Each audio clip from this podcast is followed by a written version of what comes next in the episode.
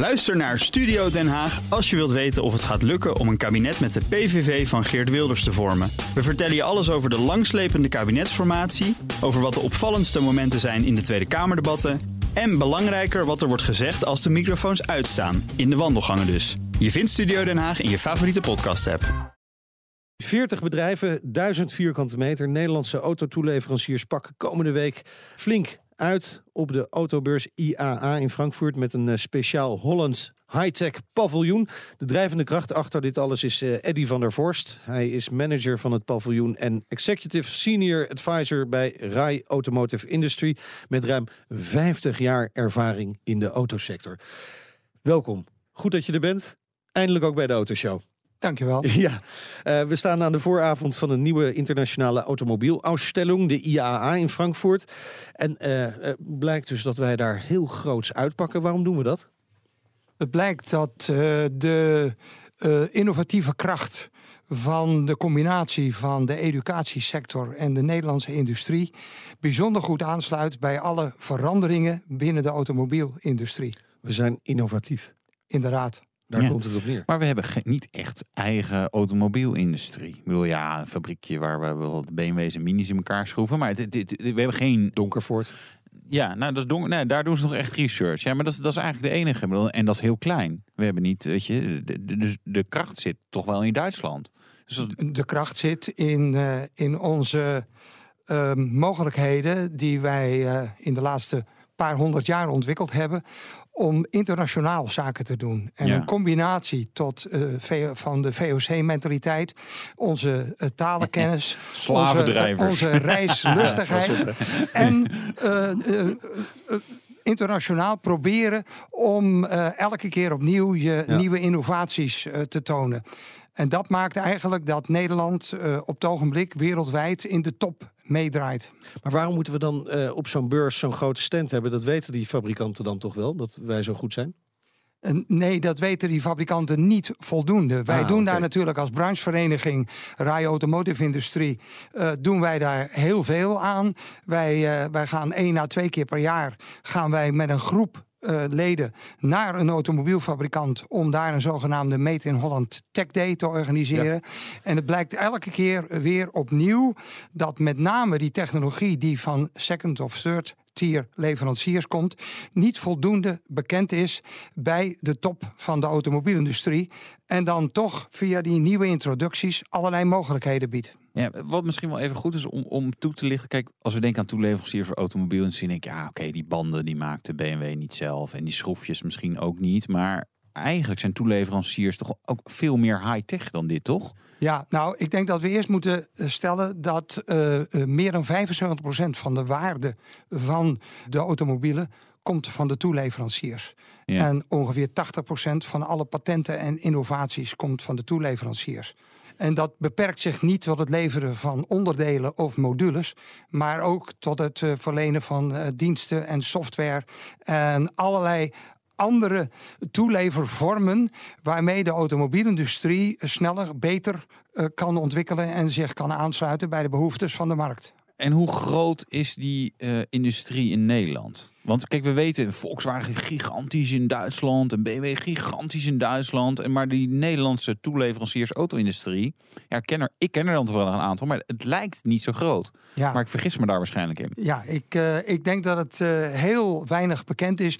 Maar misschien mag ik eerst heel even terugkomen op eh, VDL Netcar en op DAF. Ja, en tot op zekere hoogte ook Scania ja. in Zwolle en Emmen. Alle drie doen ze het bijzonder goed in hun marktsegment. ja. Ja, volgend jaar produceert Netcar meer auto's dan ooit tevoren. Ja, daar zijn we natuurlijk Ja, ook hartstikke blij meer mee. Is auto's dan in de geschiedenis van Netcar of DAF. Ja, En ook dat meer, zijn- meer, want ze hadden Volvo hè, met de, de S40 en V40. Nee, S40 volgens mij was nou, toen... eh, Netcar is ooit vanuit eh, de DAF, de Daffodil en Ja. de DAF Ja, ja, ja, ja. 5566 voortgekomen. Ja. Toen is Volvo betrokken geraakt daarbij en is de kleine Volvo's gaan bouwen. Ja. En op een gegeven moment heeft Volvo eh, een partnership aangegaan met Mitsubishi. En zijn ze samen op één platform auto's Ja. gaan fabriceren. Mitsubishi is later weer een partnership aangegaan met Mercedes. En is Volvo weer weggegaan. Ja. Dus er zit een hele geschiedenis aan vast. En toen uiteindelijk een aantal jaren geleden Mitsubishi besloot om de productie in Nederland te stoppen. Toen eh, is eh, eigenlijk Wim van der Leegte op het juiste moment eh, aangegeven door Joost Govaars, de toenmalige, toenmalige CEO van Netcar, is eigenlijk in een avontuur gestapt wat nu blijkt bijzonder goed uit te pakken. En dat is het in opdracht van een andere automobielfabrikant Ja. auto's bouwen. En eh, BMW bevestigt dat de kwaliteit van de Ja. minis die bij Netcar gebouwd worden superieur is. Ja. En BMW geeft dus ook steeds meer opdrachten aan Netcar. Ja.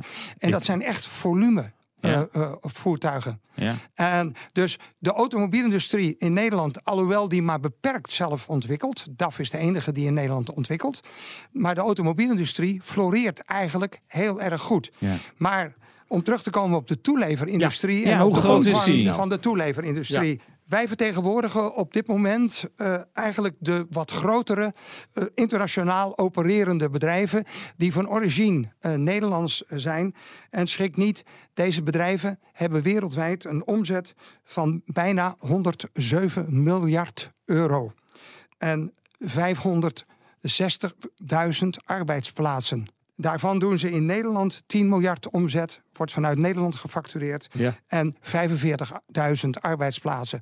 Dus wij vertegenwoordigen echt een branche en een sector die veel groter is, maar Ja. die relatief onbekend is in Nederland, Ja. omdat alles export is. En dat zal voor een groot deel ook zo blijven waarschijnlijk. Ja, Ja. maar die branche is voor de eh, werkgelegenheid in Nederland Ja. en zeker werkgelegenheid in de high-tech sector en eh, in studenten die daar goed voor opgeleid zijn, is het van essentieel belang.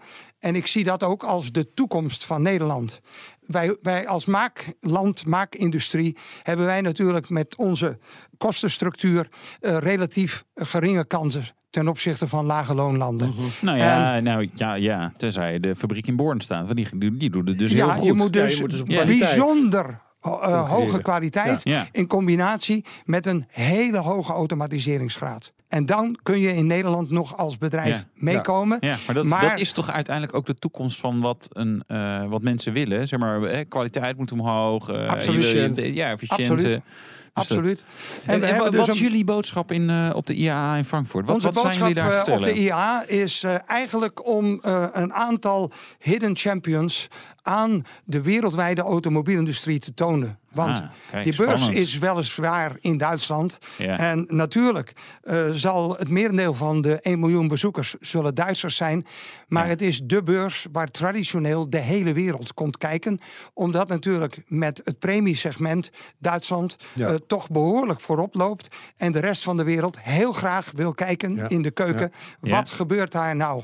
En dat dan heel snel overneemt. Maar dan ben ik toch wel benieuwd naar, naar dat soort bedrijven. De, de hidden champions. Een van die high-tech bedrijven is IMS. Dat is, dat is echt Bijvoorbeeld. precies zo'n voorbeeld. Ja, het is een bedrijf waar wij pas zeer recentelijk mee in contact gekomen zijn. En wat voortgekomen is vanuit eh, Texas Instruments, wat daarna Sensata is gaan heten. En wat eigenlijk de interne automatiseringsmachineafdeling was. En eh, Sensata is eh, een van de grote leveranciers van sensoren eh, wereldwijd. Dit bedrijf heeft na zijn verzelfstandiging zich helemaal gespecialiseerd op het maken op nano. nauwkeurigheid van samenstellen van lenzen die op dit moment nog hoofdzakelijk in mobiele telefoons gebruikt worden. Ja. En de meeste lenzen van de telefoons zijn kleiner. Dus die lens die ik hier in mijn beter- smartphone heb, die Ja. komt mogelijk van Ik mag helaas geen merken Nee, nee, noemen. nee, maar mogelijk maar komt deze Ja. van de twee, de Nou, twee, een nieuwe sturen. Die bij mij is die, zit er een barst in. de twee grootste leveranciers van mobiele telefoons Ja. ter wereld. Ja. Apple Daar worden en, de eh, Samsung. lenzen Ja. van samengesteld Ja. door de machines van IMS. Oké, en, en maar wat eh, eh, krijgt iedere auto dan straks ook zo'n eh, Camera? zo'n camera? Hoe moet dat zien? Nou, de auto's hebben nu al heel veel camera's. Ja. Ik rij zelf in een negen jaar oude Volvo XC70. Ja. En ik heb al een heleboel camera's in mijn auto. Ja. Want ik heb blind spot detection. Ja, ja, ik ja, heb een achteruitrijcamera. Ja. Maar dat, was, dat is technologie van 12, 13 jaar geleden. Yep. De moderne auto's die hebben camera's die kunnen detecteren of er een man, vrouw of kind in de auto zit. En die dan regelen dat de airbag uh, afhankelijk daarvan meer of minder open gaat. En zo komen er straks met uh, rijden, komen er natuurlijk nog veel meer camera's uh, in. En dat dat ziet naar een enorme groeimarkt uit. Dus IMS die, die, die gaat daar vol op inzetten op de automotive sector. Uh, smartphone, leuk, maar ze willen die automotive sector veroveren. Nou, zoals elk bedrijf wil je natuurlijk uh, niet op één been staan. En wil je graag wat spreiding hebben. En wil je je aanpassen in de marktveranderingen, naar de marktveranderingen. En op welke manier helpt de IAA dan aan zo'n bedrijf om zich in die markt te presenteren? De IAA helpt doordat het bedrijf daar de kans krijgt aan de top van de automobielindustrie te laten zien de nauwkeurigheid en de onbegrensde mogelijkheden, bijvoorbeeld met de fabricage van die lenzen, waarom dus die automobielfabrikanten op het idee te brengen van hé, hey, uh, andere industrieën zijn misschien al veel verder dan wij. En laten we die technologie die bewezen is in andere industrieën, laten we die overnemen.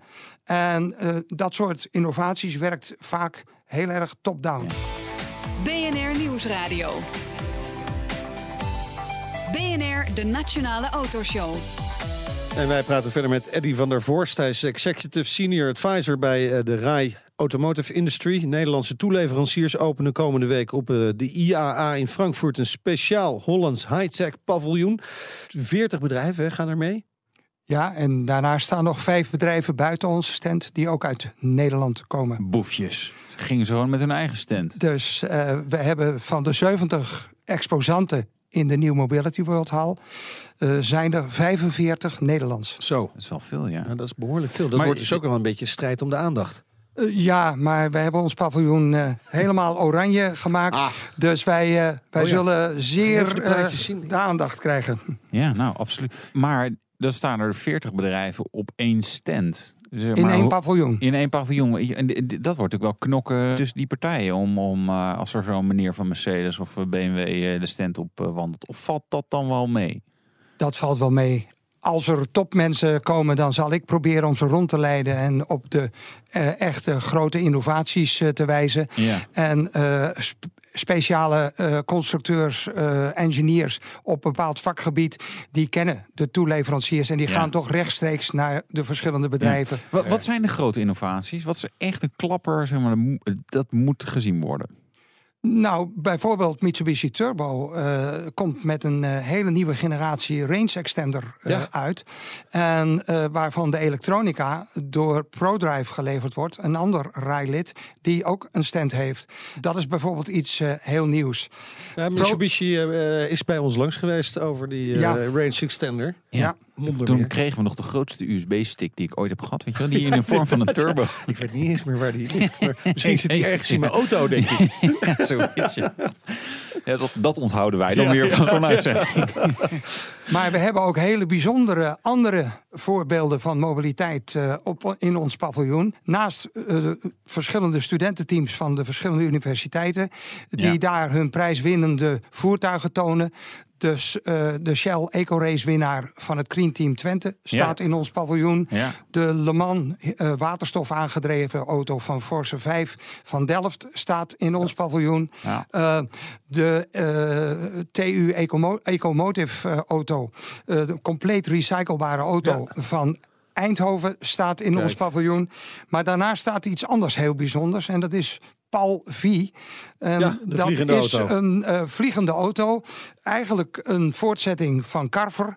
Uh, die verder ontwikkeld is om te kunnen vliegen. En de afgelopen vier jaar zijn ze bezig geweest om internationaal alle certificaten te halen. Zodat zij uh, mochten gaan vliegen. Die hebben ze nu. En zij komen nu met het nieuwe model wat in serieproductie gaat volgende maand. Komen ze op de IAA staan en hebben zelfs een flight simulator Kijk, op hun stand. Dat is wel leuk. Het, het, wordt ook wel tijd dat ze ook echt een keertje komen. Hè? Want ja. ik, ik, volgens mij heb ik ze tien jaar geleden al geïnterviewd. Uh, toen stond hij al een keertje op de rij, denk ik. Dat zou Heel zo lang. maar het is wel zo, echt een, een zo, kwestie zo van een lange tijd. adem. Ja. Geldt dat voor veel van die bedrijven, dat het een kwestie van lange adem is? Nou ja, natuurlijk. Er zijn ook vrij veel materiaalleveranciers bij, zoals ja. Polyscope, DSM, Tata Steel. En, en wat je bijvoorbeeld ziet bij Tata Steel is dat die nu daar met een complete bodem van een toekomstige auto staan, waar zonder gewichtsverlies toch uh, de accu's ingebouwd kunnen worden. De volledige crashzone en veiligheid gewaarborgd is. En het is een opbouw van allerlei verschillende materialen. Die worden aan elkaar gebakken door laser. En dat noemt men telemated blanks. En uh, die tonen een heel nieuw concept van een bodem. Want het grote probleem bij elektrisch rijden is natuurlijk de enorme gewichtstoename ja. door de accu's. Ja. En nou, Tata Steel haakt daarop in. Ja, mooi. En die hebben, maar uh, accu's in de bodem hebben we wel vaker gezien. Dus dat, dat is op zich niet nieuw. Maar met name het materiaalgebruik dus, uh, dus anders. Ja. Het houdt natuurlijk niet op hè, na de IAA, want jullie organiseren ook Tech Days, waarmee je met die innovaties bij de fabrikanten langs gaat. Inderdaad. Ja. Wij gaan één à twee keer uh, gaan wij per jaar naar een automobielfabrikant. Hebben daar een eendaagse expositie uitsluitend van innovaties. En we hebben de avond van tevoren een diner en een VIP-rondleiding met de raad van bestuur. We hebben dat bij BMW, bij uh, Jaguar Land Rover, bij Volvo, uh, bij Toyota Europe al achter de rug. En we zijn op dit moment druk bezig met de organisatie van Tech Days bij PSA, Renault en Ford. Nou zitten, hè, wij, wij, volgen natuurlijk al het nieuws van alle automotive, wat er allemaal gebeurt. En we merken dat er steeds meer Nederlanders in de top bij autofabrikanten zitten. Ja. Volvo, Audi, BMW komt er ook aan. Helpt dat? Voor de Nederlandse toeleveranciers? Nee? Nee, uh, ik ken, ik ken de, Adriaan, de Adriaans en de Lexe ja, ja, ja. en al dat soort mensen... omdat ik al een aantal jaren meeloop. En ik ontmoet ze altijd op de persdagen. Uh, en uh, nee, dat helpt niet echt. Wij moeten echt zelf onze weg vinden.